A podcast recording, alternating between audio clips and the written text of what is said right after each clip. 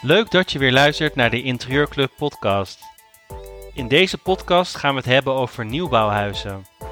Wat zijn de stappen voor jou om tot een goed ontwerp te komen voor een nieuwbouwhuis? De gast is Marije Duin. Zij is interieurontwerper en schrijfster van het Nieuwbouwhandboek. En de kaartverkoop is begonnen voor de netwerkbol tijdens Glue Amsterdam. Op 16 september gaan we netwerken op een hele leuke locatie. Kijk op onze website voor een kaartje. Veel plezier met het luisteren naar deze podcast. Uh, welkom allemaal, leuk dat jullie weer luisteren naar Interieur Talk. Uh, iedere maandag om 12 uur live en ook natuurlijk in de podcast. Uh, en we gaan het vandaag hebben over nieuwbouwhuizen. Want er worden ieder jaar heel veel huizen gebouwd in Nederland. Um, en dat kan een interessante markt zijn voor, de, voor jou als interieurprofessional. Um, en we hebben Marije Duin van Studio Yellowblock. En ze heeft ook een boek geschreven over nieuwbouwhuizen. Uh, dus daar gaan we het zo meteen over hebben. Um, en uh, Manuela is onze co-host. Leuk ook, Manuela, dat jij er ook bij bent. En uh, leuk dat je ook vragen komt stellen. Hartstikke leuk. Um, ik ga eerst even kort mezelf voorstellen. Ik ben Mark Timo, interieurontwerper uit Amsterdam. En uh, ik doe voor de Interieurclub uh, deze podcast. En verder uh, heb ik een eigen boutique hotel in Amsterdam. maar dat is in een oud dus bestaande bouw. ook heel erg leuk. En um, ja, verder gaan we het lekker over nieuwbouwhuis hebben. Manuela, zou jij jezelf willen voorstellen? Ja, zeker. Um, nou ja, ik ben Manuela Aspers. Ik woon en werk uh, in Almere, of tenminste, ik woon in Almere, ik werk uh, ook daarbuiten. En ik help uh, met name mensen die helemaal vastlopen met hun interieur. Um, ja, die wel willen, maar niet durven of niet weten waar te beginnen of opzien tegen de stress van een verbouwing. Um, en eigenlijk met als resultaat dat er helemaal niks gebeurt. Um, ik heb zelf bijna 25 jaar ervaring in accountmanagement uh, en in sales en daarin ook veel projectmatig gewerkt. Um, ben heel praktisch ingesteld en um, ja, ook een echte organisator. En door heel goed naar mensen te luisteren en door te vragen, weet ik uh, duidelijk in kaart te brengen wat bij mensen past qua interieur, zonder dat ze het zelf vaak weten. Um, en ik begeleid ze dus in het hele proces. Dus ik maak niet alleen een ontwerp, Um, maar ik begeleid mensen ook in planning, um, zowel in tijd als budget. En eventueel doe ik ook uh, totale projectmanagement uh, van de realisatie. Dus eigenlijk een totale ja, ontzorging uh, van begin tot eind. En dat maakt ook dat ik um, ja, het heel interessant vind om deze talk juist te hosten over, over nieuwbouw. Ik heb begin dit jaar heb ik een nieuwbouwproject gedaan, een nieuwbouwappartement. Maar daar werd ik pas bijgeroepen um, ja, toen het pand er eigenlijk al stond. Dus dat je eigenlijk alle flexibiliteit die je hebt bij nieuwbouw, dus al, al die dingen die je nog kunt aanpassen, die konden niet meer aangepast worden, omdat het pand al gebouwd was. Um, dus daarin heb ik ook ja, uit eerste hand gezien um, ja, hoe zonde het is, omdat je dus eigenlijk al vastzit Um, terwijl er zoveel mogelijkheden zijn geweest. Maar ja, die kansen hadden we dus allemaal uh, gemist. Um, dus daarom uh, heel interessant. En ook uh, ja, leuk om dit te doen met, met Marije. Ik heb het boek inmiddels gelezen. Um, een aanrader geeft heel duidelijk weer, vind ik, ja, wat, wat de stappen zijn en waar je allemaal aan moet denken. Want ik denk dat dat voor heel veel mensen ja, dat, dat ze heel vaak rechtsin worden gehaald. Doordat ze ineens beslissingen moeten nemen waarvan ze niet wisten dat ze die moesten gaan nemen. En dat er dan dus uh, een beetje paniek uit kan breken. Nee, interessant. En leuk ook dat jij uh, ervaring hebt met, uh, met nieuwe huizen. Um, ik ben heel benieuwd naar Marije. Marije, zou jij jezelf eens willen voorstellen? Ja, hoi allemaal, goedemiddag. Leuk dat ik uh, in deze room aanwezig mag zijn. Um, ik ben Marij, ik woon in Amsterdam en um, in een nieuwbouwwoning. En uh, ik heb eigenlijk een hele andere achtergrond. Ik heb zelf namelijk bedrijfseconomie gestudeerd. En um, na mijn studie heb ik een aantal jaren in de retail gewerkt uh, met name in de processen, uh, dus het optimaliseren van commerciële retailprocessen. Dus ik was daar werkzaam als business analyst. En ehm, nou, op zich vond ik het best een leuke baan, maar ik heb wel altijd heel erg getwijfeld om meer een creatieve kant op te gaan of meer een toch een bedrijfsmatige kant. En ik merkte toch dat in mijn baan, ik werkte wel voor creatieve retailers, maar dat ik toch dan ook ja, geneigd was om ook soms um, nou, in de stoel van de mensen die meer de creatieve rol hadden te, willen zitten. Dus dat heeft toch altijd wel een beetje aan me getrokken. Ik had zo'n pakket van economie met tekenen en handvaardigheid tijdens de middelbare school. Dus ik kon nooit heel goed die keuze maken. Maar processen, dat lag me ook wel heel erg. Uh, maar toen ik eigenlijk mijn eigen nieuwbouwwoning dat was nu uh, zes jaar geleden. Toen uh, ging er echt een wereld voor me open. En toen werd ik gewoon zo enthousiast van alles wat erbij kwam kijken. Om de indelingen te mogen bedenken. Maar natuurlijk ook gewoon het hele interieurplan. En uh, viel ik eigenlijk echt wel een beetje in een gat toen de woning klaar was. En nou, ik zat toen gewoon niet echt helemaal lekker op mijn plek bij mijn baan. En tijdens de housewarming waren er ook mensen die zeiden van... ja, maar waarom ga je niet iets met het interieur doen? Is dat niet wat voor je? Nou, dus dat begon toch wel steeds meer ja, aan me te, bij me te prikkelen. En ik dacht van, ja, ja, misschien hebben die mensen ook wel gelijk. Misschien moet ik toch echt een keer het roer omgooien. Ik ben toen nog wel van werkgever geswitcht, maar ook dat wilde niet echt baten. Dus uiteindelijk, uh, denk nu vier jaar geleden, heb ik toen echt resoluut besloten om mijn baan op te zeggen. Vond ik natuurlijk heel erg spannend. Um, maar uh, ja, het was toch wel echt, is echt een van de beste keuzes die ik ooit heb uh, gemaakt. Wat stoer. ja, zeker. Ja. En toen ben ik mezelf dus gaan omscholen en ik ben ook begonnen bij de NIA Academie. Ik heb daar interieurontwerp en interieurstyling gedaan. Bij de Folk Academie ben ik ondertussen alle Adobe pakketten zo'n beetje gaan leren en ook SketchUp. En toen ben ik ook voor mezelf begonnen met mijn studio, Studio Yellow Block. En ehm, al heel snel kwam ik daarin ook in contact met nieuwbouwkopers, wat heel erg leuk was. Maar wat Manuele eigenlijk net ook zei, was dat deze mensen mij vaak betrokken bij het project, echt een paar maanden voordat zij de sleutel kregen. En dat het eigenlijk heel jammer was dat je dacht, oh, er had er zoveel meer uit die woning gehaald kunnen worden.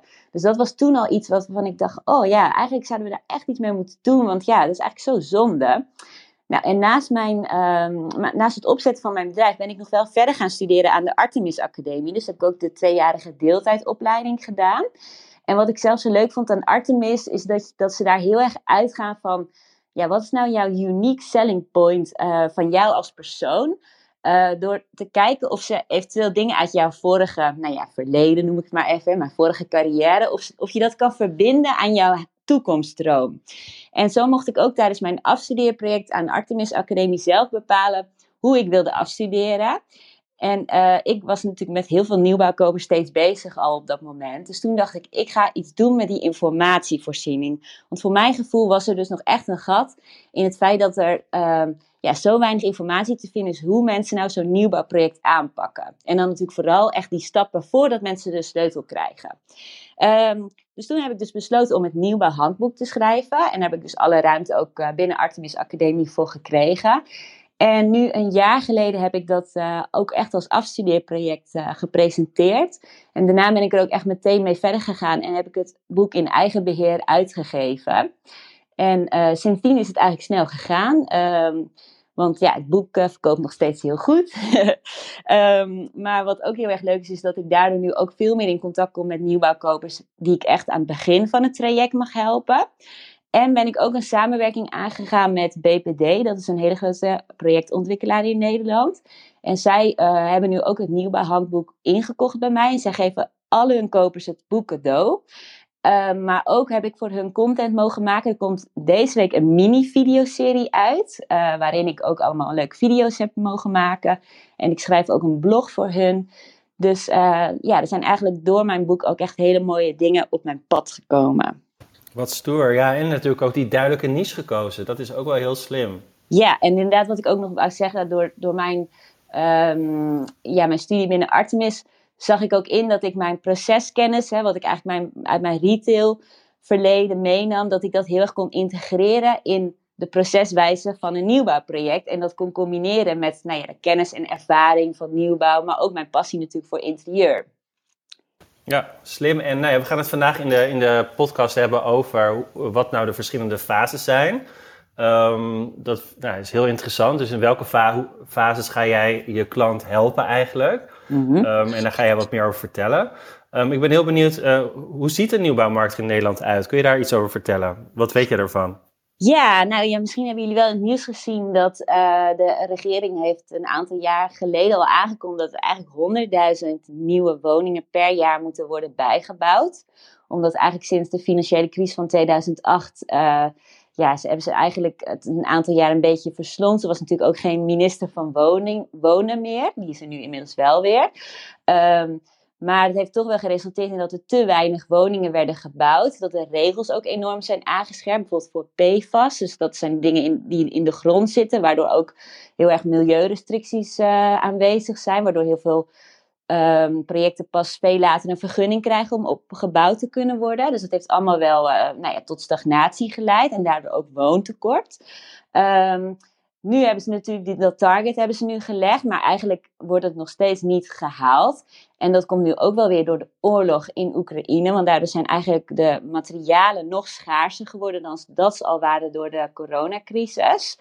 Um, dus je ziet wel, ook om mij heen zie ik toch ook weer nu nieuwbouwprojecten die toch um, ja, opgeschoven zijn qua deadline, die stilstaan of waarvan de mensen eigenlijk al zijn ingelopen, maar van, waarvan de bouw nog steeds niet is begonnen. Dus dat is wel echt een, eigenlijk een soort bedreiging die er heerst. En aan de andere kant moeten er nog steeds wel echt die woningen worden bijgebouwd. En als je kijkt naar ongeveer die 100.000 woningen, dan moet je ongeveer voorstellen dat uh, eh, 30.000 zijn sowieso daarvoor, voor koopwoningen. En dan tussen de ja, 30 tot 60.000 uh, varieert tussen um, middenklasse huur en ook uh, koopwoningen voor middenklasse en starters. En dan heb je het overige, dat is meer voor sociale huur. Dus voor een interieurontwerper ligt de markt, nou ja, grofweg tussen de 40.000 tot 60.000 koopwoningen per jaar die erbij moeten worden gebouwd. Ja, dus dat is een, een grote, grote markt. En uh, uh, wat zou jouw advies zijn als, voor interieurontwerpers om in contact te komen met deze klanten van een, ja, van een nieuwbouwhuis? Um, ja, nee, ja, dat is natuurlijk altijd de uitdaging. Maar dat heeft natuurlijk wel alles te maken ook met zichtbaarheid natuurlijk. Waar jullie ook altijd veel aandacht aan besteden. Um, dus nou ja, ik heb dat natuurlijk zelf gedaan in de vorm van mijn boek. Maar dat kan natuurlijk ook op heel veel andere manieren. Door bijvoorbeeld er blogs over te schrijven. Of op Instagram natuurlijk over projecten die je bij deelt. Om ook heel duidelijk in je pakketten naar de klant natuurlijk te communiceren. Dat je ze kan helpen met een nieuwbouwtraject. Dus ik had dat eerst niet gedaan, omdat ik toen, ik had helemaal nog geen tijd na de lancering van mijn boek. Maar sinds ik dat heel duidelijk ook op mijn website heb staan, krijg ik ook heel veel mensen die mij daar ook over benaderen, echt aan de beginfase. Ja, dat is, uh, daar gaan we het zo ook over hebben, inderdaad. Um, en wat was jouw eerste nieuwbouwproject? Dat was, was dat je eigen huis? Ja, ja, ja. dus ik ben zelf uh, nu zes jaar geleden ingelood voor de nieuwbouwwoning in Amsterdam, in de Indische buurt. En um, ja, toen was ik natuurlijk nog helemaal bleu. Ik wist helemaal niks van, uh, van nieuwbouw, maar ik wist ook helemaal niks van interieurontwerpen. En wat ik toen eigenlijk al merkte, was dat er dus heel weinig informatie beschikbaar was over hoe je nou zo'n project aanpakt. Uh, voor de gemiddelde consument, er is eigenlijk dus helemaal geen boek over geschreven. Uh, maar ook niet heel veel wat ik online kon vinden. En zeker niet in de combinatie met ja, meer de bouwtechnische kant en het interieur samen. En dat heb ik ook voor gezorgd dat dat echt die beide aspecten in het boek aan bod komen. Um, nou ja, en ik ben zelf natuurlijk uh, in mijn project gewoon uh, ja, de bleu ingegaan. En wat je wel heel erg merkt bij zo'n nieuwbouwproject, is dat zeker de eerste maanden, dat je gewoon enorm veel keuzes moet maken. Dus dan uh, ja, staat alles open. Je mag zelf beslissen van, ga ik nog binnenmuren verplaatsen? Dat noemen ze dan echt die ruwbouwfase van de nieuwbouw. Um, soms kun je dan nog kiezen voor een uitbouw of voor een een trapkast of een, een dakkapel wat nog uh, in je woning gerealiseerd kan worden. Maar ook natuurlijk al het leidingwerk, de binnendeuren, de richtingen van de binnendeuren, het hele schakelplan, stroomplan. Dus er komt zoveel op mensen af. Dus als je daar helemaal geen kaas van hebt gegeten, dan is het natuurlijk echt overweldigend. Dan denk je echt van jeetje. En wat ik zelf merkte was dat er, dat er heel veel mensen uh, later, die ik dan ook tegenkwam, toen ik mensen ging helpen, dat ze zeiden van, ja, maar er is toch al een technische tekening en er staan toch ook al stroompunten opgetekend en er is toch ook al een lichtplan. Maar ja, dat mensen er niet altijd heel erg bewust van zijn dat je er eigenlijk nog zoveel dingen zelf aan mag aanpassen. En dat dat eigenlijk juist het mooie is van nieuwbouw, dat alles ligt gewoon open. Je mag, nou ja, in die zin, het huis ligt aan je voeten, om het zo hard te zeggen. Je mag gewoon alle keuzes zelf maken.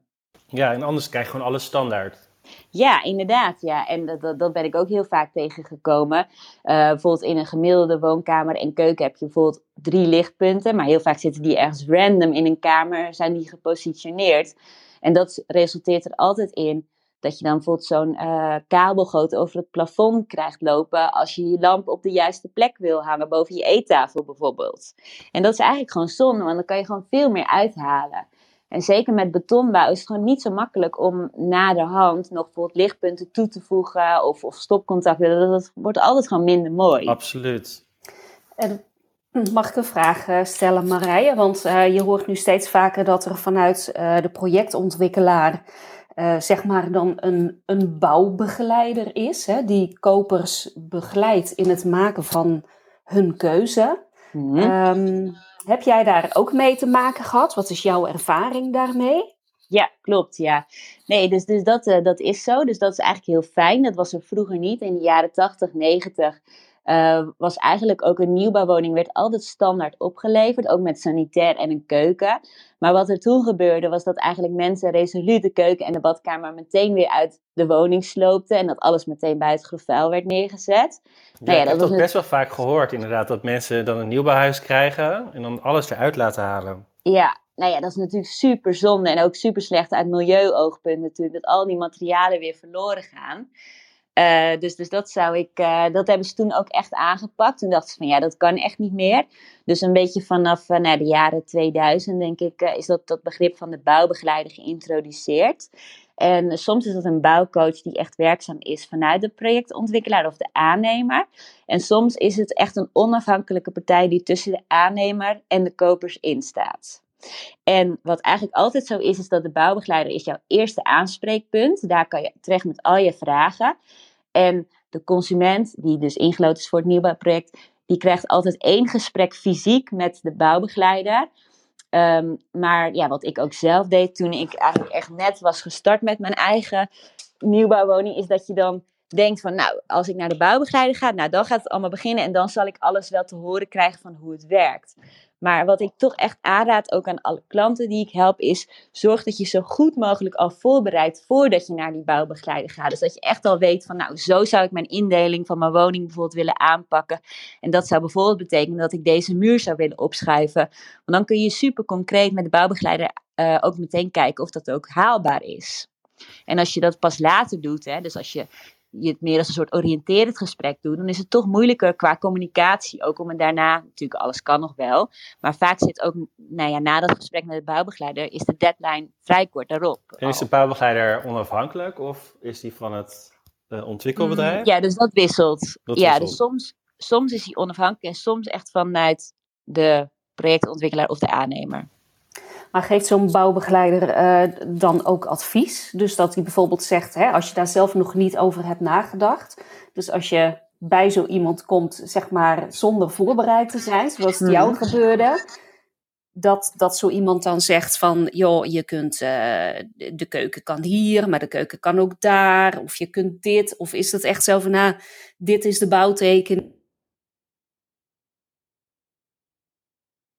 ja, zeg, maakt dan dat je bent. En dat je ja, kijk, dus, toch dus, zelf uh, Een bouwbegeleider is geen interieurontwerper of binnenhuisarchitect. Die heeft er natuurlijk wel echt wel kaas van gegeten. Maar is meer echt een tussenpersoon die ervoor zorgt dat uiteindelijk nou ja, alles in, in goede orde uh, gaat lopen. En dat bijvoorbeeld ook offertes worden opgevraagd bij de aannemer voor het eventuele meerwerk. Dus de bouwbegeleider die zal je meer tijdens zo'n gesprek gaan schetsen over hoe dat proces eruit ziet. Welke meerwerkopties er mogelijk zijn. Maar die gaat natuurlijk niet per se tegen jou zeggen, nou je kan de keuken ook in een L-vorm doen of in een U-vorm. Dat, ja, dat het meer, heel, meer op een globale manier. Dus die zal meer de kaders aangeven van je mag de keuken wel of niet verplaatsen. En hier of daar mag de keuken wel naartoe. Maar op welke manier je dat natuurlijk zou willen doen, ja, dat is echt aan jou. Of eventueel natuurlijk aan de interieurontwerper of stylist met wie je samenwerkt. Ja, interessant. Nou, we gaan het natuurlijk hebben over de vier fases. Uh, die jij beschreven hebt. Uh, en dat zijn de vier fases hoe je als interieurontwerper het beste ja, een nieuwbouwwoning kan aanpakken qua ontwerp. dus daar ben ik heel benieuwd naar. Voordat we dat gaan doen, ga ik eerst even de rooms van volgende week even aankondigen. van de volgende maand, zeg maar. dus we gaan alweer naar juni toe en we hebben hele leuke rooms staan in juni. volgende week is Jan Agelink, forecaster, te gast. En hij gaat het hebben over de interieurtrends van 2023 en 2024. Dus die gaat ons daarover alles over vertellen. Uh, die week erna gaan we het hebben over Pinterest voor de interieurprofessional. Dus dat is 13 juni. Is het mogelijk om klanten te krijgen via Pinterest? En zo ja, hoe dan? Um, en we hebben Vera te gast en zij gaat daar alles over vertellen. Um, dan die week daarna, dat is 20 juni, gaan we het hebben over LinkedIn voor de interieurprofessional. Hoe kun je LinkedIn nou goed gebruiken? Um, en die week daarna, dus de laatste room van juni, hebben we weer drie interieurprofessionals die in de spotlight staan. Dus dat wordt ook heel erg leuk. Uh, dus we hebben vier mooie rooms uh, in juni ook weer staan. Um, en dan hebben we ook nog onze Academy. Vanaf 1 juni uh, gaan we ook een cursus Pinterest aanbieden. Um, dus je kan ook een, een, cursus doen. Dat die is voor interieurprofessionals. Um, hoe kun jij zorgen dat jij Pinterest goed gebruikt voor je interieurbedrijf? en Jan Ageling gaat ook zijn trendpresentatie bij ons aanbieden. Dus dat wordt ook heel interessant. En verder is de interieurfotografie cursus is al begonnen. Dus daar kun je niet meer voor aanmelden. Maar we hebben een nieuwe datum in september. Dat geldt ook voor de cursus opvallen in de interieurbranche met Olaf. er is al een early bird mogelijkheid om je in september aan te melden. daar is de helft al van verkocht. Dus zorg dat je daar op tijd bij bent. Er zijn maar acht plaatsen. Um, dat is het volgens mij. En oh ja, we hebben er ook nog de cursus interieur tekenen op de iPad met Tessa. Dus mocht je dat interessant vinden, kijk even op de website in onze Academy. En we hebben natuurlijk 17 juni onze netwerkborrel, maar die is helemaal uitverkocht. Dus er kan niemand meer bij. Uh, heb je helaas geen kaartje, zorg dan dat je een kaartje hebt voor september. Uh, want 16 september gaan we tijdens Glue Amsterdam op een hele vette locatie. Gaan we een, uh, een netwerkborrel doen. Dus bij het Andas op de Prinsengracht. Heel erg mooi ingericht, dus zeker een must om, om naar, naartoe te komen. en we zijn vorige week met de kaartverkoop begonnen en er zijn al 100 kaartjes verkocht, dus het gaat al heel snel. Dus wil je erbij zijn? Manuela is er ook, volgens mij Marije komt ook, dus dat wordt hartstikke leuk. En ik ben er ook. Um, dus kijk even op de website. Dan gaan we door met deze room, want we gaan het hebben over de vier fases van een um, nieuwbouwhuis. Wat is eigenlijk de eerste fase als jij een, eh, nieuwbouwproject doet, uh, Marije? Uh, ja, wat is dan de eerste fase? Ja, dus nog even wel om te zeggen dat de vier fases, dat is eigenlijk wel mijn methode die ik erop nageslagen heb. Ja. uh, oh, maar uh, het is wel. Oh, jij was, was even mute. Maar, dus in mijn boek heb ik het over tien fases. En voor mijn klanten heb ik eigenlijk vier fases ontwikkeld. Waarbij ik ze help met, met een interieur nieuwbouw opdracht. Ben ik nog te horen of niet? Jazeker. Oh, gelukkig. Ja, ik dacht dat ik wegviel.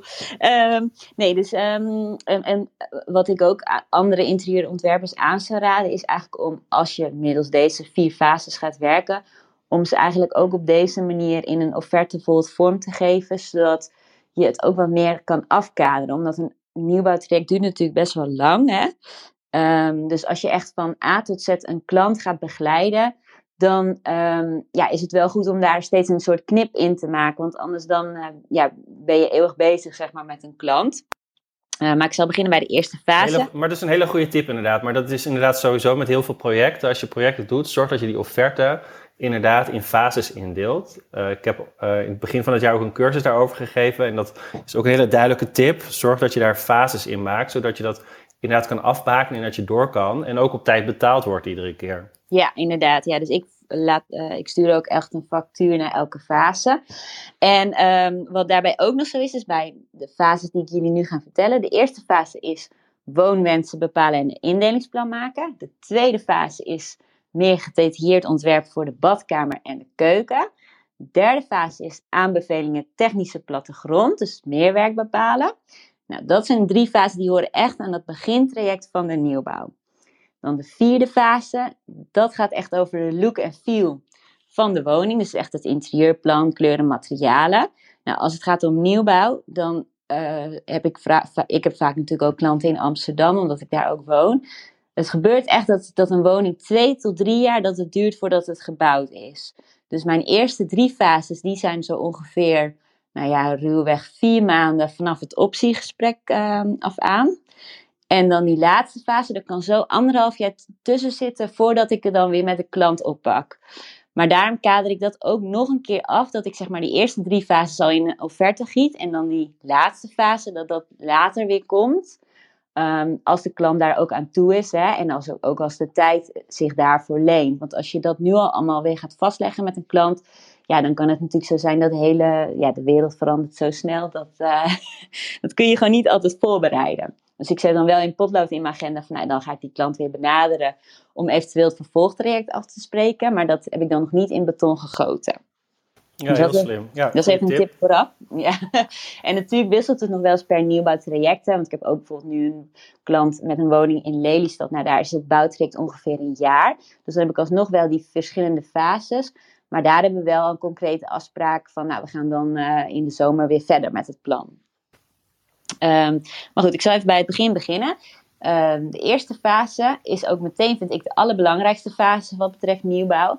En dat gaat er echt om dat je samen met de klant op basis van de woonwensen, dus dat, dat je heel goed duidelijk krijgt van wat wil de klant nu met de woning gaan doen, nu en ook in de toekomst. Want nogmaals, er zit soms twee jaar tussen de bouw van een nieuwe woning en misschien heb je in die tijd wel kinderen gekregen um, of, of iets anders, hè, of wil je meer aan huiswerk of wat dan ook. Dus het is heel belangrijk dat je nu alvast nadenkt van ja, hoe ga ik mijn woning nu gebruiken, maar ook in een nabije toekomst. En dat je daarover nadenkt, ook als je al je meerwerkkeuzes gaat maken. Um, en dat je op basis van je woonwensen allereerst een hele duidelijke functie aan de verschillende kamers gaat geven. Want je kan bij nieuwbouw ook heel vaak kiezen nog om bijvoorbeeld twee kamers uh, tot één kamer te maken. Of misschien juist wel drie verschillende kamers ergens te maken. Je kunt binnenmuren nog verplaatsen. Nou, de meest gestelde vraag die ik krijg is: kunnen we nog ergens een bad creëren in de badkamer? Omdat die meestal niet standaard in een nieuwbouwwoning zijn ingetekend. Uh, dus dat je heel erg gaat nadenken van ja, hoe maak ik nou die, ja, de, de, hoe maak ik, geef ik elke ruimte een duidelijke functie. En als dat staat, dat je dan een indelingsplan op schaal gaat maken voor de klant, op basis natuurlijk weer van die woonwensen. En daarin daag ik ook wel echt interieurontwerpers uit om ook wat meer out of the box te denken. Want nieuwbouwwoningen zijn gekscherend natuurlijk altijd de, de woning zonder ziel. En ja, vaak zie je natuurlijk in woningen dat alles bij elkaar zit. Hè? De keuken, de eetkamer, de, um, de zithoek. In één hele grote ruimte. Maar dat geeft het ook eigenlijk meteen altijd een beetje zo'n standaard nieuwbouwgevoel. Dus daarin kun je echt in een, een indelingsplan echt wel een verschil maken. Door echt meer out of the box na te denken. Door uh, ja, toch na te denken over soort moderne ensuite deurenachtige dingen.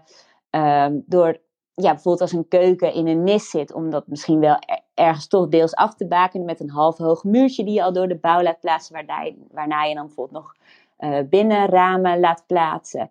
Dus op die manier probeer ik ook altijd wel samen met de klant dan natuurlijk, hè, dat is altijd in overleg, om toch wat meer out-of-the-box indelingen te maken. Want dat maakt een woning natuurlijk uiteindelijk ook wat unieker. Ja, en dat is, denk, oh, ja, sorry. Dat is, ook, dat is denk ik ook je toegevoegde waarde als interieurontwerper. Uh, daarvoor huren ze je eigenlijk ook in, vind ik. Mm, zeker. Stap je, stap je ook wel eens nog eerder in het project in, uh, Marije? Want vaak is het dat mensen zeg maar, zich inschrijven op een nieuwbouwproject. Mm. Hè, dus op een heel plan. Waar uh, ook um, ja, verschillende soorten huizen worden gebouwd. Ja. Dus dat je van tevoren al gaat kijken bij zeg maar, welk type huis in het project past het beste bij jouw woonwensen, zodat je zo weinig mogelijk um, meer werk uh, hoeft te gaan doen. Doe je dat ook eens? Want dat is natuurlijk nog een stap eerder um, in dat hele traject. Ja, nee, dat is heel goed dat je dat zegt. Ik moet heel eerlijk zeggen dat ik daar zelf niet zo bij betrokken ben geweest. Dat komt misschien ook omdat mijn boek echt bij het optiegesprek begint. Dus dat houdt in dat mensen dan natuurlijk al zijn ingelood. En wat natuurlijk ook mijn ervaring is, dus dat door de schaarste op de woningmarkt, dat nu zoveel mensen gewoon eigenlijk maar al, al blij genoeg zijn als ze überhaupt zijn ingelood voor een woning. Dus, um, ja, dus, klopt. Dat dus helaas is er eh, niet zoveel keuze. Veel te kiezen, ja. ja. En als ze dan eenmaal zijn ingelood, dat je dan met de interieurontwerper gaat kijken hoe je dan toch zoveel mogelijk van je woonwensen kwijt kan in je woning. Maar ik ben met je eens, hoe eerder hoe beter. Want wat, ja, dat is natuurlijk, heeft het alles ook met timing te maken. Maar soms is het zelfs zo dat als je bij de makelaar komt, wat betreft je optiegesprek, is het eigenlijk dan al goed om heel erg duidelijk te hebben van wat je, nou wil. Omdat je dan ook een hele goede kostenraming kan krijgen. En als je natuurlijk al je hele financiën op orde hebt, uh, met je hypotheek ook, en je wil daarna nog heel veel meer werk mee financieren, dan wordt dat wel weer wat lastiger. Dus daarom is het echt van belang dat zodra je bent ingelood, dat je gewoon zo snel mogelijk aan de gang gaat met die hele voorbereiding. Ja, want dan kun je het meenemen in je, in je hypotheek, bedoel je? Ja. Ja. ja. ja. Oké, dus, dus dat is fase 1. En, ja. en, um, en qua budget, uh, hoe, hoe, hoe, pak jij dat aan? Qua budget voor de consument? Ja, ja wat, wat zegt, uh, hoe ga je daarmee om? Uh, in, op welke manier vraag je dan, ja, wat is jullie budget? Of hoe, hoe, ga, hoe doe je dat? Ja, nee, dus ik, ik uh, kijk wel natuurlijk naar de vraagprijs van de woning. En inmiddels weet ik dan ook ongeveer wel wat er qua meerwerk bij komt kijken. En je hebt natuurlijk ook een meerwerklijst waar verschillende prijzen op staan. Um, wel is het zo dat dat enorm verschilt. Dus laatst had ik weer een heel leuk voorbeeld. Het was een project bij Rotterdam in de buurt waar ik uh, klanten bij hielp. Was het toevoegen van een stopcontract 285 euro. En in Amsterdam Noord, bij hetzelfde soort project, was het toevoegen van een stopcontact 420 euro. Dus, dus die prijzen die, die zijn echt enorm verschillend ook. Dus uh, je kan, nou ja, je moet er altijd wel voorzichtig mee zijn. En ik heb wel in mijn boek ook gemiddelde prijzen geschetst. Als het gaat om, uh, om verschillende meerwerkposten waarbij de uh, interieur, of nou de consument of de interieurontwerper dan aan kan denken. Maar ik moet wel zeggen dat ik meestal klanten niet echt help met het budget. Dat doen ze meestal zelf. En dan geven ze aan, we hebben ongeveer zoveel gereserveerd voor meerwerk. Maar vaak zijn ze daar toch nog wel vrij flexibel in. Dat ze dan toch nog wel ergens spaargeld vandaan halen. Ze toch echt iets heel graag willen. Dus, oh, sorry.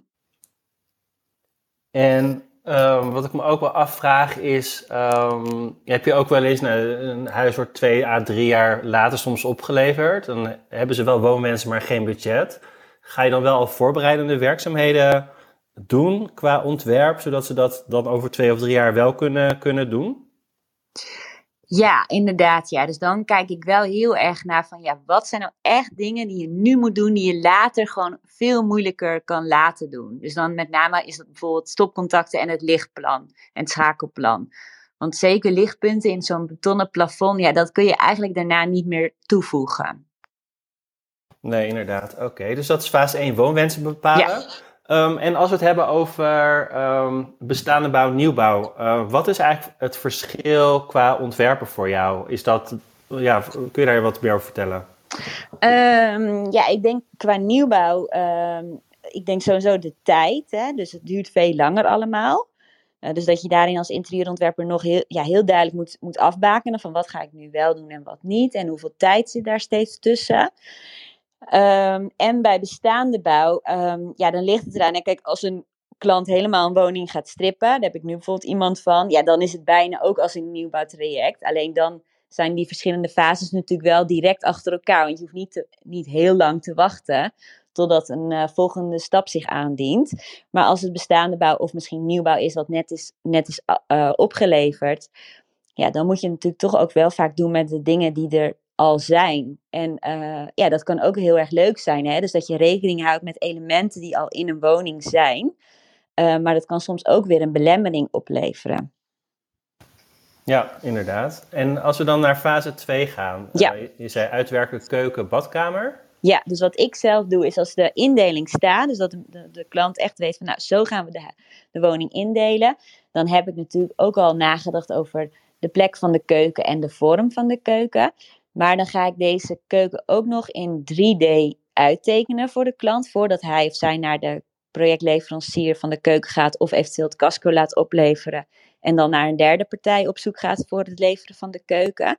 En dat doe ik eigenlijk omdat mijn ervaring is dat um, keukenleveranciers die willen natuurlijk maar wat graag dat jij langskomt en een zo groot mogelijke keuken afneemt.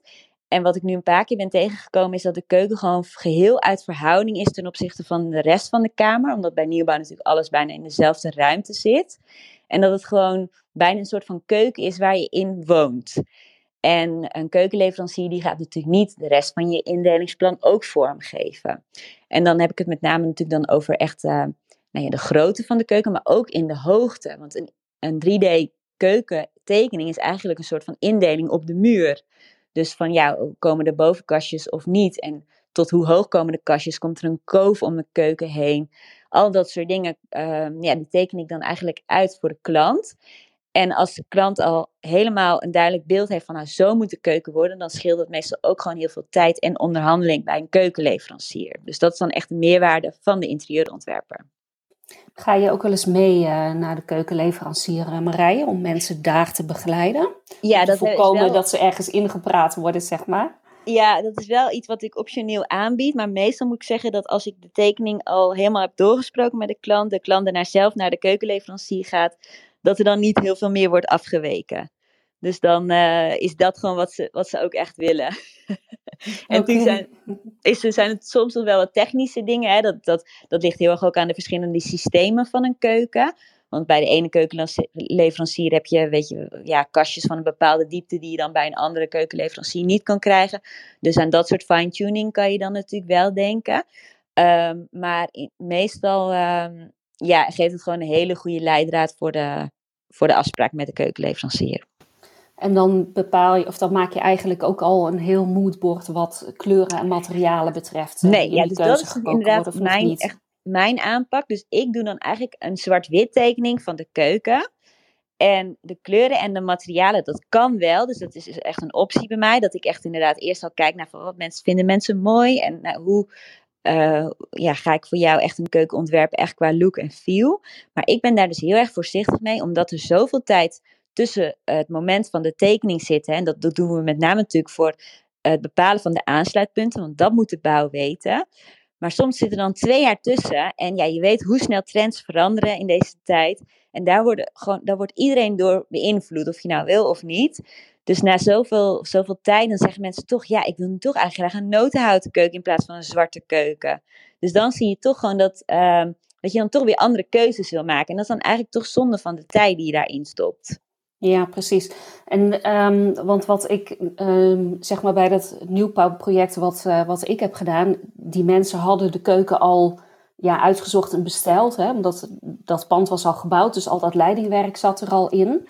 Mm -hmm. um, en zij zeiden ook van ja, we moesten tekenen voor de keuken, omdat anders die keukenleverancier geen technische tekening wilde maken. En die technische tekening heb je natuurlijk wel nodig. Ja. Um, hè, om, om ja, naar je uh, projectontwikkelaar of naar de bouwer uh, door te spelen, zodat het gebouwd kan worden. Ja, klopt. Ja. Nee, dus dat is een vereiste en dat is ook echt goed, hè, want bij keuken komt ook bijvoorbeeld ja, dingen als krachtstroom komt er om de hoek kijken. Dus dan wil je echt dat een professional daar goed naar kijkt.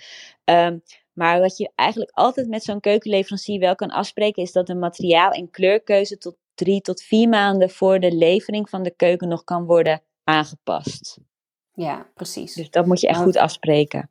Ja, vaak. Ja, ik heb, ik heb het, tenminste, ik heb, ik heb niet tientallen ervaringen, maar um, ik, ik merkte aan, aan mijn klanten dat zij niet wisten dat dat allemaal nog uh, bepaald kon worden. Dus zij hebben echt, ja, dit was ook een project wat uh, uiteindelijk ook door corona uh, bijna drie jaar duurt. Tot mm. aan, hè, vanaf tekenen tot aan de sleutel. Um, en zij hadden ook zoiets van, ja, ja nee, wij, ja, we hebben deze keuken uitgezocht. Dus ja, dat is wat het is. Ja. Um, dus, dus ook daar zit, denk ik, een stukje um, ja, ja kijk, aan moet, informatie of gebrek aan kennis uh, van klanten, wat op welk moment nog allemaal mogelijk uh, ja.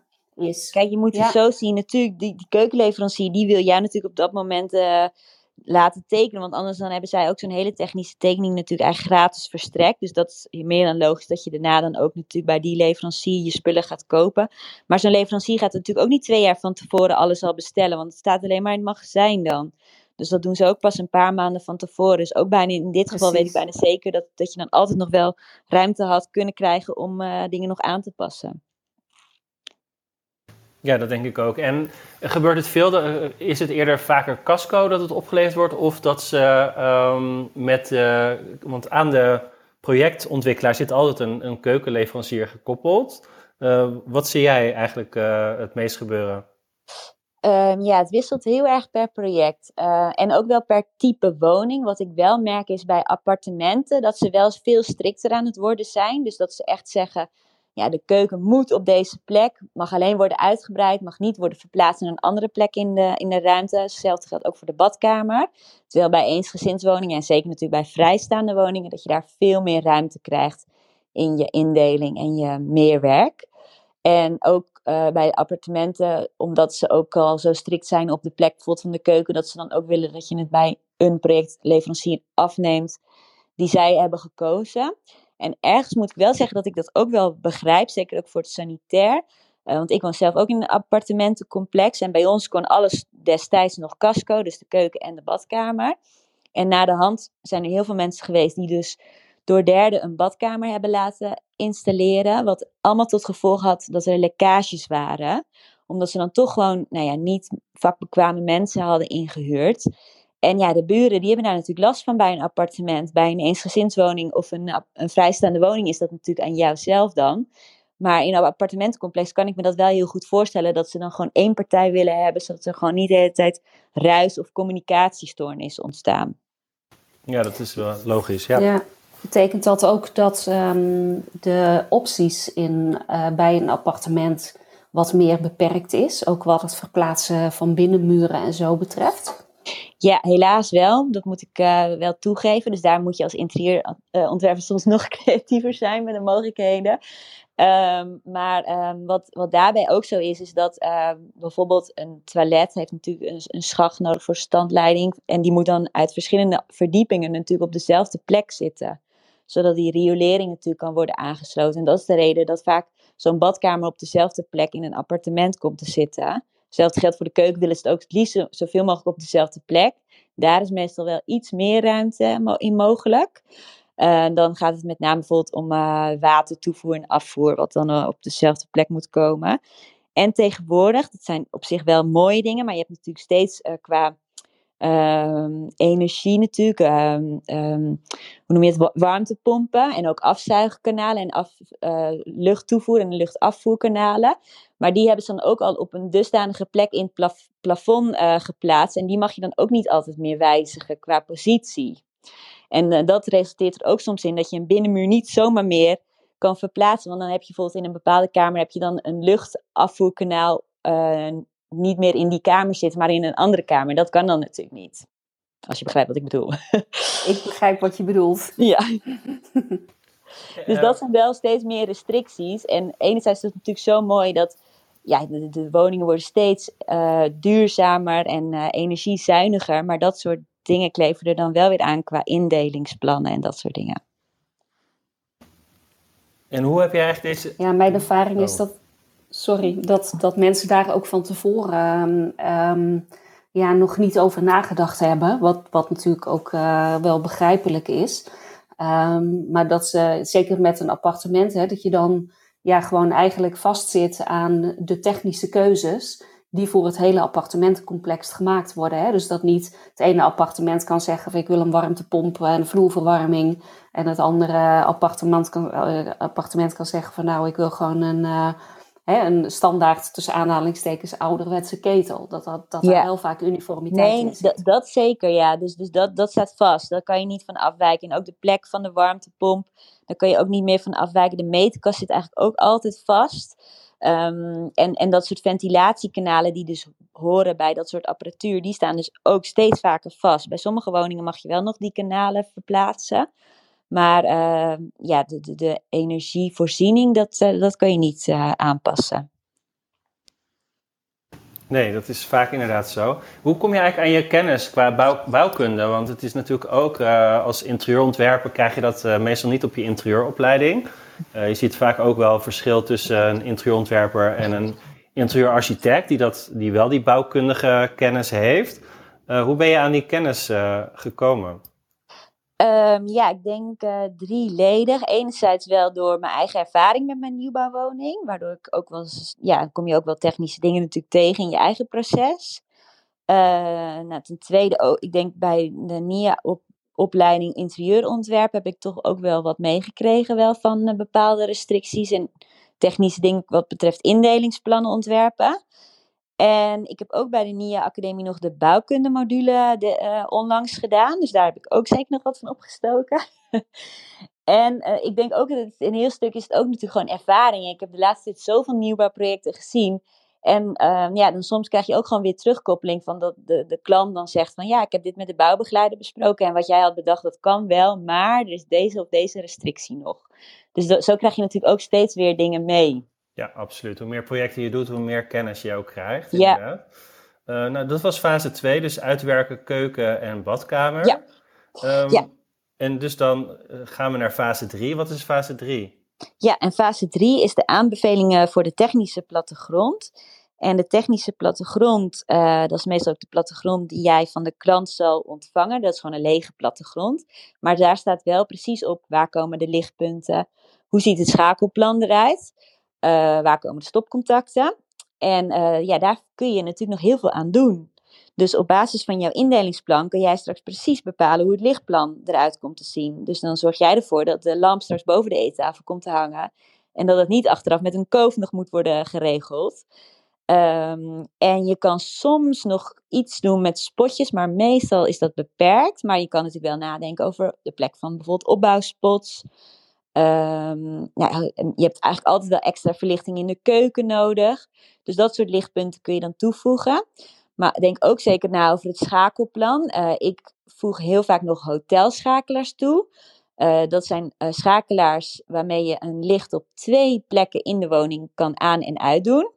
Dus dat is bijvoorbeeld heel handig in de slaapkamer. Dus dat je het licht aan kan doen bij de toegangsdeur, maar ook naast je bed. Ook een hotelschakelaar is handig in bijvoorbeeld een hal. Dat je op, aan weerszijden van de hal de lamp in de hal aan en uit kan doen. Um, nou, stopcontacten, die heb je eigenlijk nooit genoeg. Dus nou ja, ook afhankelijk van je indelingsplan heel goed nadenken van ja, wil ik hier nog, ga ik ook werken in mijn kamer? Hè? Misschien heb ik ook wel nog plek, stopcontacten nodig voor straks een bureautje ergens. Nou, zeker ook in een extra slaapkamer als je daar ook gaat werken. Dus nou om zo eigenlijk al die, die punten na te gaan. Zeker ook de binnendeuren, de, de deurrichting daarvan. Dat is ook iets wat je nu moet bepalen. Want op basis daarvan wordt het kozijn natuurlijk ontworpen. Hè, of de deur links of rechts draaiend is en naar buiten of naar binnen. Uh, dus ja, dat heeft natuurlijk alles te maken met de looplijnen en het indelingsplan die je in een eerdere fase hebt opgesteld. En dat kan je dan gaan fine-tunen uh, met dat soort elementen die op de technische plattegrond zichtbaar zijn. Ja, handig. Ja, ik denk een hele belangrijke fase ook dat, dat je inderdaad qua hoogte van de lichtpunten en van de elektriciteit uh, elektriciteitspunten kun je nu inderdaad uh, invloed op uitoefenen. Ik heb wel eens elektrapunten gezien op, op hoogte, dat ik echt dacht, nou, hoe, hoe kan dit? Ja. dus dat is wel, wel super interessant en inderdaad ook wel voor een klant fijn dat, dat iemand daar goed naar kijkt. Ja. Um, dus dat is fase 3. dus dat zijn eigenlijk de, de eerste drie fases. Ja. Um, en fase 4, die komt, wat je zei, een jaar, twee jaar, drie jaar soms na, nadat je dit gedaan hebt. Ja, klopt. Ja. Dus eigenlijk staat, staat dan alles wat betreft uh, ja, de ruwbouwfase, zo noem ik het maar even. Hè. Dus al, je hebt alles voor de klant dan bepaald. En dan is het eigenlijk wachten totdat we de bouw begint. En kijk, wat je nog kan doen, is dat je de klant dan nog helpt met uh, bijvoorbeeld als de technische plattegrond door de aannemer is geüpdate, dat je die nog controleert voor de klant. Nou, mijn ervaring is wel dat de meeste klanten dat zelf willen doen op basis van de aanbevelingen die ik dan heb gedaan. Maar dat is natuurlijk ook iets wat je nog kan overwegen. Hè? Dus dat je echt bij elke stap, dat, je, dat jij er altijd bent om de klant dan nog te ondersteunen. Maar als dat eenmaal staat, ja, dan is het toch gewoon, ja, de bouw begint. En dan zijn er soms nog kijkdagen waar de klant naartoe gaat. Nou, dan kun je natuurlijk als interieurontwerper ook zeggen, nou, dan ga ik mee. Want bij die kijkdagen is het ook wel heel belangrijk dat je dan natuurlijk controleert of alles volgens het plan wordt gebouwd. Dus dat geef ik wel altijd als tip mee aan de klant. Van zorg ervoor dat je de plattegrond die helemaal rood gekleurd is met alle wijzigingen die erop staan, dat je die meeneemt naar zo'n kijkdag. En dat je dan al die aannemer aan de tand voelt van ja, hoezo zit hier nog geen aansluiting voor mijn stopcontact? Want dat hebben wij wel besloten. Want als je dat pas doen gaat, gaat doen als uh, de sleuteloverdracht is, dan is het vaak toch nog te laat. Dus dat is nog een belangrijke tip tussendoor. Goeie tip, ja, ja. inderdaad. Ik ben eens met vrienden mee geweest inderdaad uh, naar zo'n kijkdag. En dan, uh, ja, het is wel echt goed, uh, echt goed om kritisch te zijn op dat soort dagen. Want er gaat, gaat veel helaas mis. Ja. Um, Oké, okay. interessant, leuk. Um, en nou ja, fase 4 is eigenlijk ja. gewoon het interieurplan maken. klopt. Ja. Ehm, is daar voor nieuwbouw nog iets anders dan bestaande bouw? Nou ja, ik denk wel dat het nog een extra uitdaging kan zijn om echt sfeer toe te voegen aan de woning. Ja, we hadden ook een, eh, een, een poll gedaan inderdaad op onze Instagram-account. En daar zagen we ook inderdaad dat uh, het lastig is, uh, dat heel veel interieurontwerpers het lastig vinden om echt sfeer te creëren in een nieuwbouwwoning. Heb je Ja. daar tips voor? Ehm, ja, wat ik net al wel zei, het begint wel echt wat mij betreft met een originele indeling. Maar ook als, eh, nou ja, soms dan is dat nou eenmaal al bepaald, hè, als je later instroomt bij een eh, traject. Kijk, dan, dan nog denk ik altijd van, doe e- wel iets met de elementen in de, in de ruimte. Ehm, wat je ook vaak ziet bijvoorbeeld bij nieuwbouw is eh, dat er nog bepaalde koven, dat noem je van die, van die schachten, met, met schacht met luchtruimte, ik weet niet of je dat iets zegt. Dat zijn van die uitstekende koven in een ruimte. Dat is vaak vanwege een bepaald leidingwerk wat er door moet. Maar om daar bijvoorbeeld dan juist iets mee te doen, dus alsof het ervoor is ontworpen dat dat in je woning zit.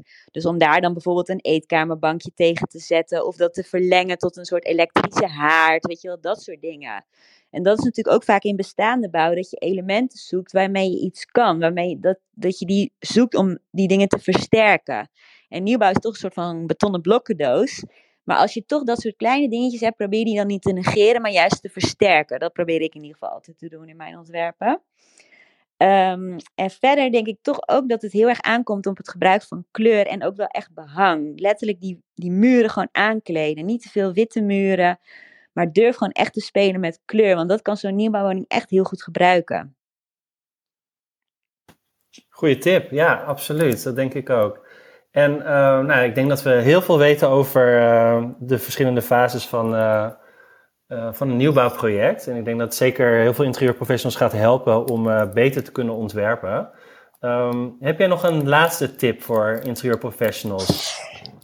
Oeh, even denken hoor. Een Je hebt al heel veel gegeven. Ja. Ehm, ja, ik denk dat mijn, mijn best practice voor deze room wel is van... Um, ja, calculeer echt genoeg tijd in voor een indelingsplan voor een uh, klant. Dus um, ja, maak het echt een aparte fase van jouw uh, ja, project met een klant. En, en, en werk dan ook echt in, in fases. Nou ja, bijvoorbeeld de fases die ik dan heb, hè, maar misschien heb je wel je eigen fasestructuur die je wil geven aan, uh, aan een nieuwbouwproject. En uh, ja, zo wordt het ook gewoon heel duidelijk voor een, een klant om samen met jou te werken aan zo'n project. Heel helder, dankjewel. Heel erg leuk uh, dat je hierover wilde komen, komen praten. Um, dus dank voor je tijd. Graag gedaan. en Manuela ook, dankjewel als, uh, als co-host. Bedankt voor je leuke vragen. Heel graag gedaan. Leuk om hier te zijn elke keer. Mooi, mooi. Nou, dan gaan we deze room afsluiten. Allemaal bedankt voor het luisteren en uh, tot de volgende keer. Dat was hem weer, de Interieurclub podcast. Kijk ook eens in onze academy op www.deinterieurclub.com. Heb jij bijvoorbeeld onze cursus LinkedIn al gezien of Pinterest of interieur tekenen op de iPad? Op onze website staat hier alle informatie over.